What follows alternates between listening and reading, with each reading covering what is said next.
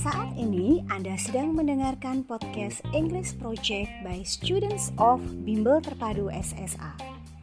English Project ini dibuat oleh siswa-siswa Bimbel Terpadu SSA sebagai sarana untuk mengembangkan English skill dan juga collaboration, communication, problem solving, and creative thinking skill.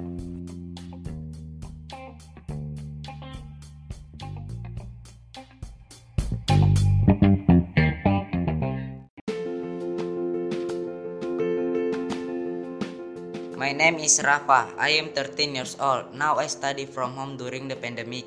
It's been 7 months. I really miss my friends. I want to be a football player. Like Mohamed Salah from Liverpool. Next year I will go to Malaysia. Malaysia is my dream country. I want to explore that country and visit Universal Studio.